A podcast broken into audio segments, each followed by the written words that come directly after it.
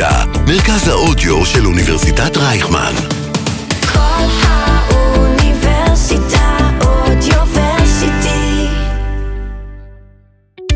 הפקולטה ל-Well-being של אוניברסיטת רייכמן. ליהו תלמור שואל מומחים איך אנחנו, הסטודנטים, נצליח יותר.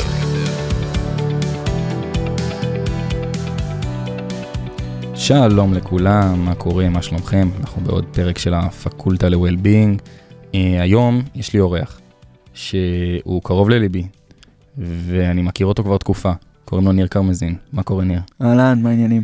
אז uh, ניר הוא מוזיקאי, הוא יוצר, הוא חבר טוב, הוא מלך, הוא בוגר רימון, הוא הוציא כמה סינגלים מטורפים.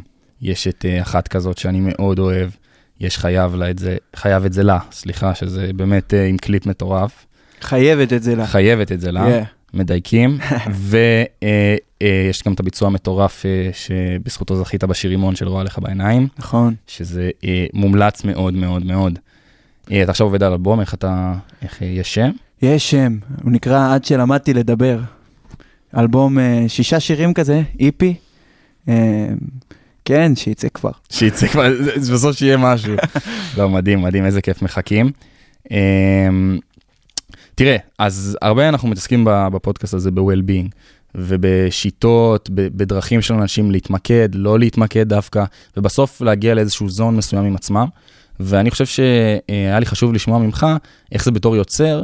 אה, הרי בסוף אנחנו רוצים להביא תוצר, כמו שאמרנו על האלבום שלך של אה, עד שלמדתי לדבר, אנחנו בסוף רוצים איזשהו תוצר מסוים. אז ממש מעניין אותי לשמוע ממך על כל ההליך שלך כמוזיקאי, על ההתפתחות שלך.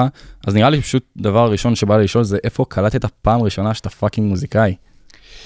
וואי, אה, מוזיקה תמיד הייתה שם, ולמדתי כבר בתור ילד, פיתוח קול, פסנתר ועניינים.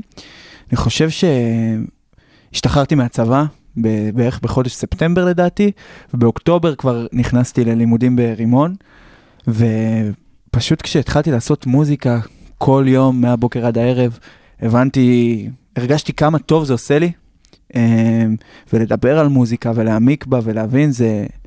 זה באמת עולם ומלואו, ו... ואני אגיד שגם השיר רימון שעשיתי, שזכיתי בו במקום הראשון, וזה, זה איזשהו הוכחה לזה ש...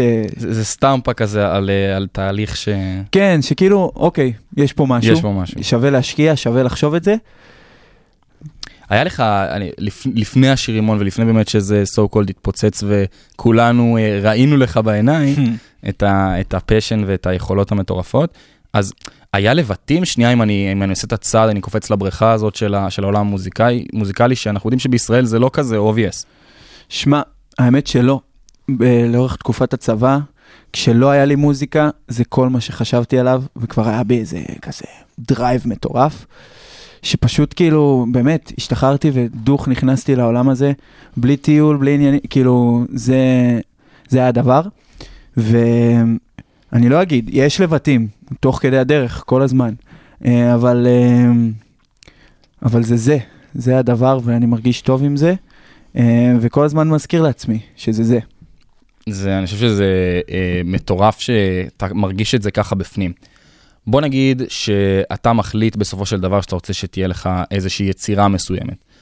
אה, מעניין אותי לשמוע ממך איך אתה לוקח את, ה, את הלבידו הזה, את האש הזאת הפנימית שהמוזיקה נותנת לך, וכמו שאתה אומר שאי אפשר להתכחש. זה מדהים מה שסיפרת על הצבא, דרך אגב, אני, אני יכול להזדהות לא כמוזיקאי, אבל כמה מוזיקה היא דבר מדהים, אז שלך יש את היכולת להוציא את זה, אז באמת, איך זה מתחבר לתוצר הסופי. זאת אומרת, אני מנסה לקשר את, ה, את, ה, את הלבידו, את, ה, את, ה, את האש הפנימית, לתוצר מוגמר שהוא מעבר לחלום.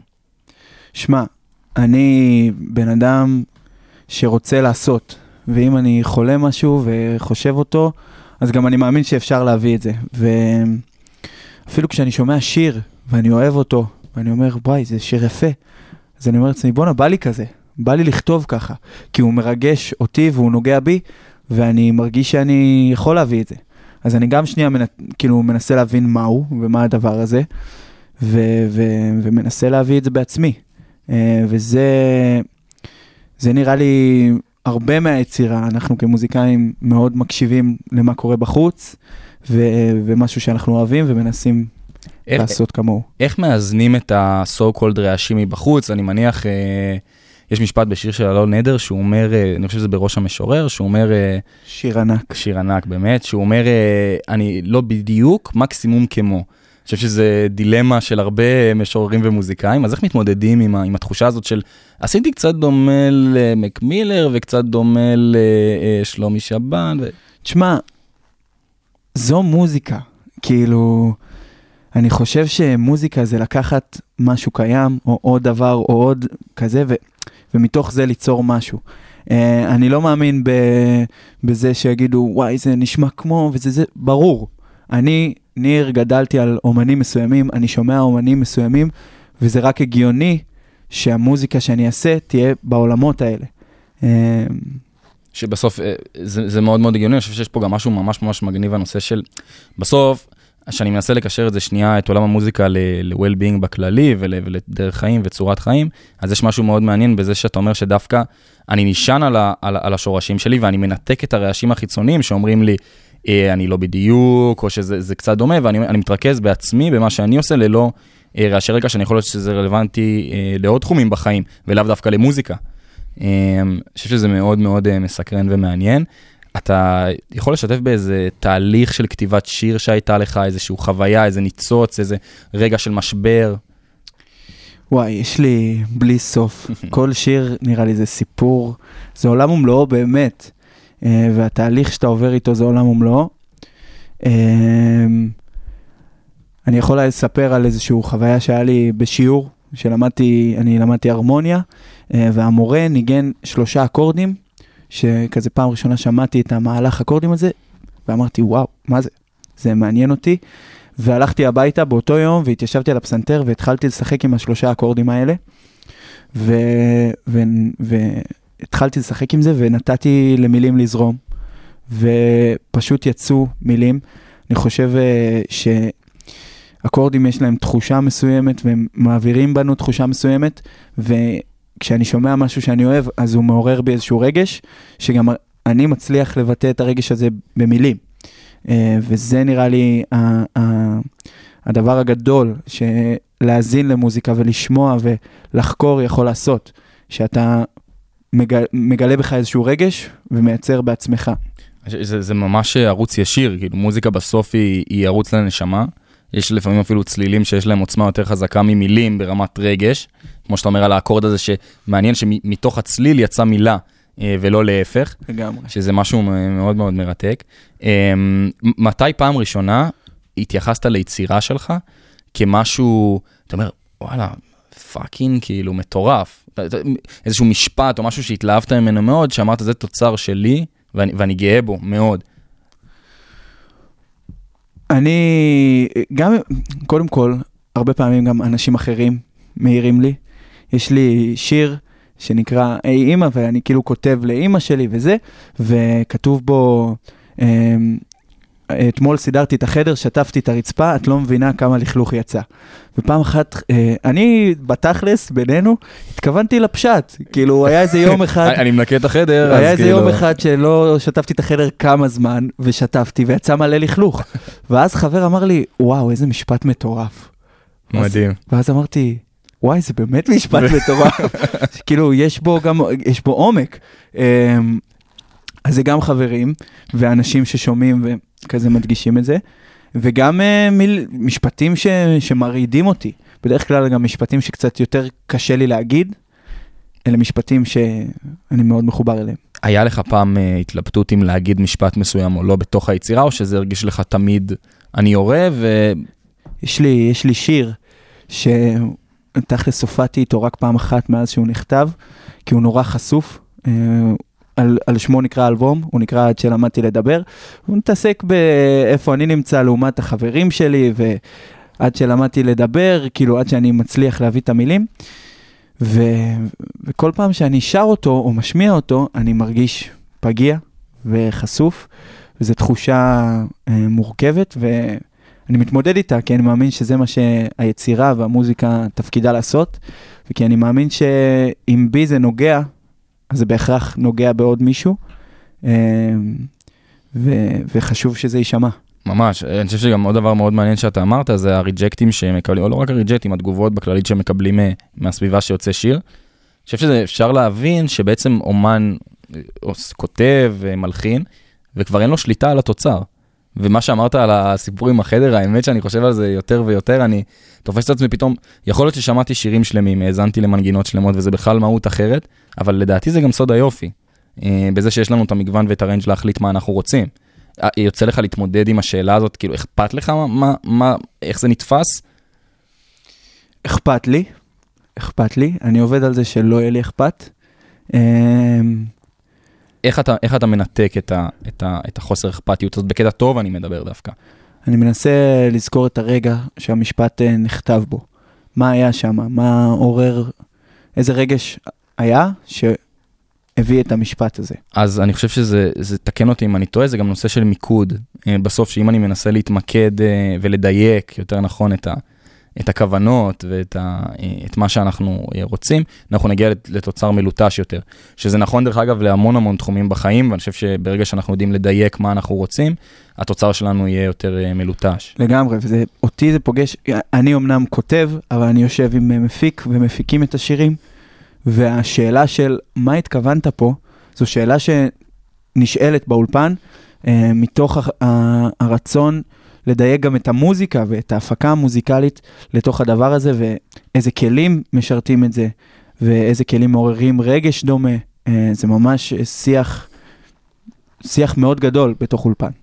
אני חושב שבאמת כל הנושא של, אה, של מיקוד אחד עם השני בזה שאומרים, שגם משתפים בסוף, אני חושב שתקן אותי אם אני טועה, אבל היצירה שלך גם מתחדדת בזה שאתה משתף אותה לאנשים תוך כדי התהליך. אתה מגדיר את עצמך יותר כ"אני סוליסט, אני מוציא תוצר מוגמר עם ה- מה שאני, או שאני כן מתייעץ לאורך הדרך, מה, איך אתה חווה את זה? אני, אני מתייעץ, אני לא המון מתייעץ. אמ, אני כן אה, שומע דברים של אחרים, גם של חברים וכזה, ומנסה אה, לקחת גם מהם כל מיני אה, השראות. אה, ברור שאנחנו, חבריי המוזיקאים ואני, אנחנו כל הזמן מריצים את השירים שלנו ופלייליסטים שלמים של אה, אקספורטים והקלטות בוואטסאפ, אה, זה חזק. אמ, אבל גם אה, מנסה להיות בשלי, ואם מישהו נותן לי איזה ביקורת או דעה, אז אני מנסה אה, להגיד, אוקיי, קיבלתי את הדעה הזאת, האם אני לוקח אותה או משאיר אותה במקומה ומכבד אותה ומבין שזו עוד דעה שיש על השיר. אמ, אני חושב שזה ממש אה, מרתק. אני, אני אוהב לעשות את, ה, את ההגבלות האלה לתחומים אחרים בחיים, כי אני מאמין שמוזיקה ואומנות בכללית, זה, זה שיא, באמת, שיא האנושיות, זה לדעתי כאילו, זה אדיר. ממש, זה פשוט, זה פשוט אדיר, כאילו, ו, ויש פה משהו מאוד מאוד אה, אנושי, אמיתי, אה, אה, ממש נפש שהאדם יוצאת החוצה. אז מעניין למצוא שיטות דווקא מהעולם המוזיקלי לכל התחומים שלנו בחיים, מעבודה, מספורט, מהכל, שאתה בא ואומר לי, נגיד שאני, כדי ליצור תוצר שהוא מדויק, שאני מבסוט ממנו, אני מתמקד מאוד, נגיד, בזיכרון הראשון שלי ממנו בזה, אז אפשר להגיד שאני רוצה מאוד להתמקד באיזושהי עבודה שאני רוצה לעשות, אז אני אזכור בדיוק איפה זה תפס אותי לראשונה ואיפה תפס, זאת אומרת, להיאחז דווקא בזיכרונות שלי בבן אדם כדי למקד את התוצר הסופי. כן, אני, אני חושב שכל פעולה שאנחנו עושים כבני אדם, יש איזה drive ראשוני ואיזושהי מטרה ראשונית ש, שפוגשת אותנו. לאורך הדרך, המטרה הזאת אולי קצת מתמסמסת וזה, אני יכול להגיד שאני גם בנקודה שבה הקלטתי את השירים לאלבום, האלבום עוד לא בחוץ, ועכשיו זה הרבה עבודה סזיפית על מחשב ובירוקרטיה, וה, וכל הזמן אתה מנסה להגיד לעצמך, יש סיבה למה כתבת את השירים האלה, למה הקלטת אותם, יש סיבה למה העולם גם, כאילו, זה מנת חלקו של כולם. אה, ואני, ואתה יודע, אפילו השיחה הזאת עכשיו שאנחנו מדברים, מחזקת לי את, ה, את ההבנה הזאת ש, שזה חשוב. וה, והיה נקודה בזמן שבה זה היה, כאילו, בריאה חדשה כזה. ממש, ממש. אני, האמת היא שאם אנחנו נמשיך בקו הרומנטי של השיחה הזאת, אז, אז גם אני בזה שאמרתי לך אה, ונהנית מהר וישר אמרת בדוק וזה, שזה אין עליך בלי קשר. אז אני חושב שיש פה משהו אה, באמת נכון, תראה, יצירה, והנה אני עושה את הפרויקט הזה, אתה עושה את הפרויקטים שלך והנה זה מתנגש. אה, אה, ואני חושב שזה מטורף, מטורף היכולות שלנו להוציא אה, מעצמנו דברים שאנחנו רוצים באופן אה, מדויק. אמ, האמת שרציתי לשאול אותך, חשבתי על זה הרבה לפני התוכנית, ורציתי לשאול אותך, איפה אתה, איפה אתה תופס את היצירה שלך, לא אותך, את היצירה, או שזה יכול להיות גם היינו הך, באופן מסוים, אבל איפה אתה תופס את היצירה שלך בעוד 20 שנה, 30 שנה, את היצירה. את היצירה, כאילו, אני חושב, קודם כל אני רוצה שהיצירה תפגוש הרבה אנשים, כמה שיותר אנשים, אה, ושיתעורר בהם גם משהו. אני, מוזיקה מעוררת בי, אני רוצה שהמוזיקה שלי תעורר באחרים. אני מבין שגם היצירה שלי הולכת להשתנות כל הזמן. כבר עכשיו אני מתחיל לכתוב שירים, והם לא אותו דבר, או לא אותו קונספט שכתבתי באלבום הזה שאנחנו מדברים עליו. אה, אז אני מבין שהיא תשתנה, ואני מחכה לזה ומצפה לזה. אה, ואני גם מבין שהיצירה שלי גם תגיע בעוד אה, אופנים. אני, יש עוד הרבה דברים שמעניינים אותי לעשות, ואם זה הפקות של אירועים מוזיקליים, וכאילו, יצירה זה לא בהכרח לכתוב שיר, לכתוב סיפור. יצירה זה לנהל פרויקט, יצירה זה ללכת לעבודה. כאילו, יש אנשים ש, שזו היצירה שלהם, כל יום הם, הם יוצרים, ואני מאמין שאני אמצא עוד אה, דרכים ליצירה. אני, קודם כל, אני בטוח שאתה תמצא ואני בטוח שזה יהיה מצוין. ואני אקח משהו שאתה אמרת, שממש השווית את היצירה לדברים שהם כביכול בנאליים בחיים, כמו ללכת לעבודה, אה, וכזה, אז אני חושב שזה אחלה של טיפ להתייחס לדברים שאנחנו עושים כמו יצירה, אה, ממש כמו אמנות. זה גם ייצר בנו drive, כאילו אני, אש, אני יוצר, אני עושה, וזה נראה לי מחזק וישפר גם ביצועים בסופו של דבר, כי אני עושה משהו שאני, יש לי תשוקה אליו. אני חושב שזה אחלה אחלה של טיפ לניהול נכון של הדברים וגם לדאוג, אני חושב, לאושר מסוים באלף אה, של הפעולות שלך ביום יום.